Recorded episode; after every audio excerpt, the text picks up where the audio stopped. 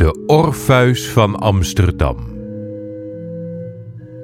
Stap in 1609 de oude kerk in Amsterdam binnen en je betreedt niet de gewijde plaats waar je met gedempte stem spreekt, maar een publieke huiskamer waar Amsterdammers gezellig roken, kooplui beurs houden, kinderen spelen, vissers hun netten repareerden en honden in de hoek schijten.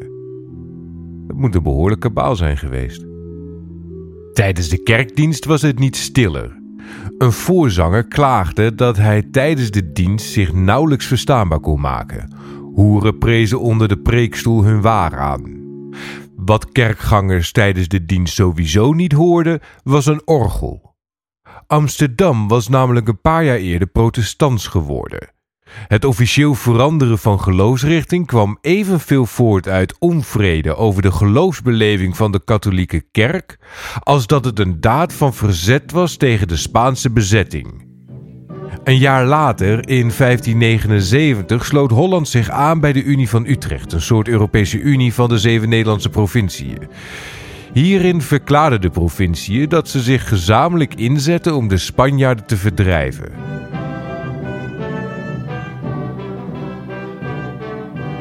Deze eensgezindheid kwam geen moment te vroeg.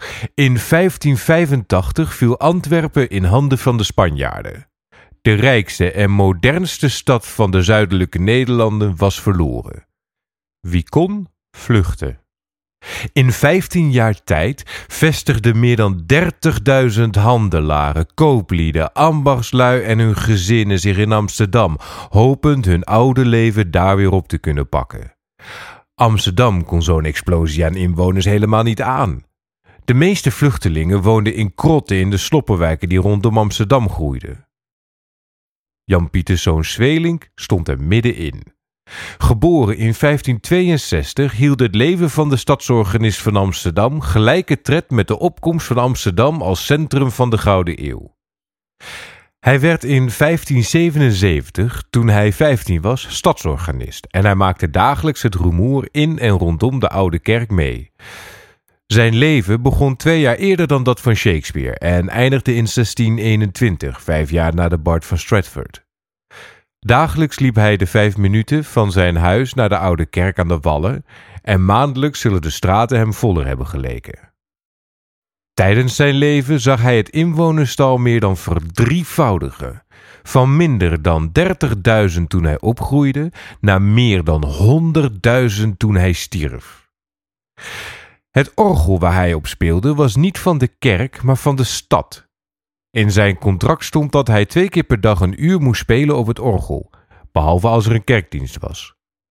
Volgens de protestantse leer was het orgel een wereldlijk instrument en wereldlijke instrumenten zijn des heren een gruwel. Alleen de menselijke stem zou de heer behagen.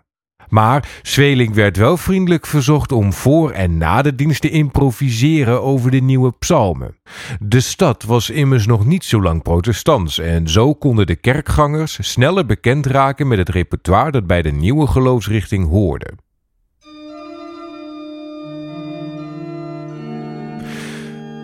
44 jaar lang wandelde Zwelink twee keer per dag naar de oude kerk op en neer om een uurtje te improviseren.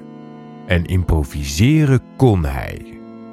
De notabelen van de stad namen met regelmaat gasten mee naar de kerk om te luisteren naar zijn spel. Zijn faam strekte zich uit over heel Noord-Europa. Toen in 1609 Spanje en de Verenigde Zeven Provinciën een wapenstilstand tekenden, grepen organisten uit heel Europa hun kans om les te krijgen van de orgelmeester. Vooral Duitse notabelen waren dol op Zweling. Als stad deed je pas mee als je stadsorganist een leerling van Zweling was. En als je echt stoer bent, hebben twee van je stadsorganisten bij Zweling gestudeerd. Of je was Hamburg en je stuurde gelijk al je stadsorganisten naar hem toe. Daarom noemen ze hem in Duitsland ook wel de Hamburger organistenmaker. Hamburg had de grootste.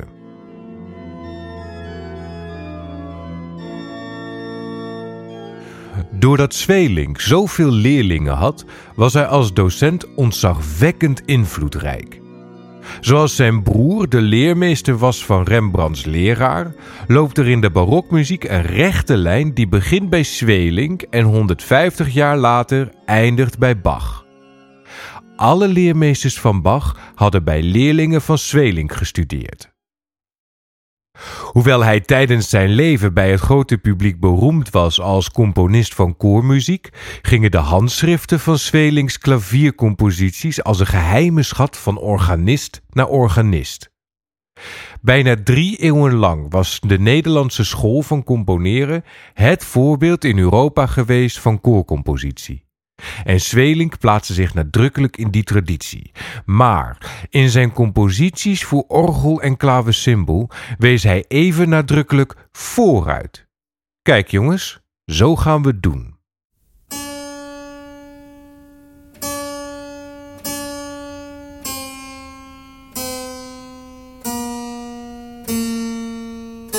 Hij was de eerste die een fuga schreef op de manier die Bach vier generaties later tot zijn handelsmerk maakte.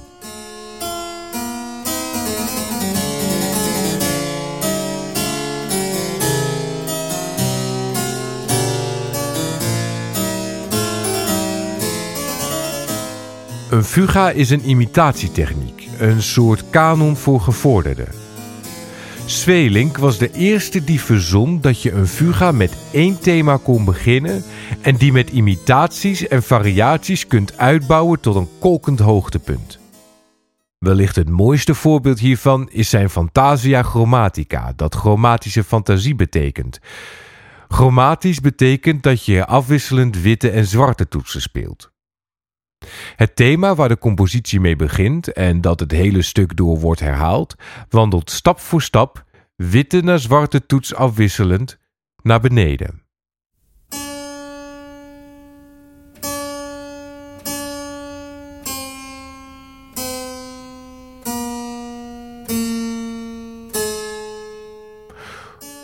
Omdat in die tijd instrumenten op een andere manier werden gestemd dan tegenwoordig, klinkt zo'n chromatische wandeling naar beneden als gejank.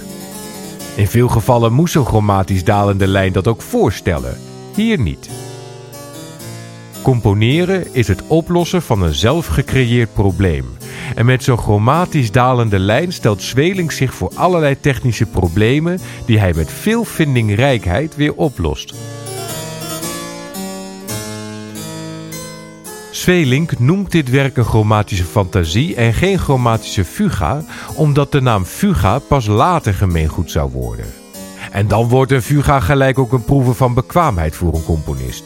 Uiteindelijk schreef iedereen fuga's, wat weer leidde tot de verzuchting: Wenn der componist niet weiter kan, fängt er met die Fuge aan. Wat zoveel betekent als: Als de componist geen inspiratie heeft, schrijft hij maar een fuga. Maar Svelink was wel mooi de eerste.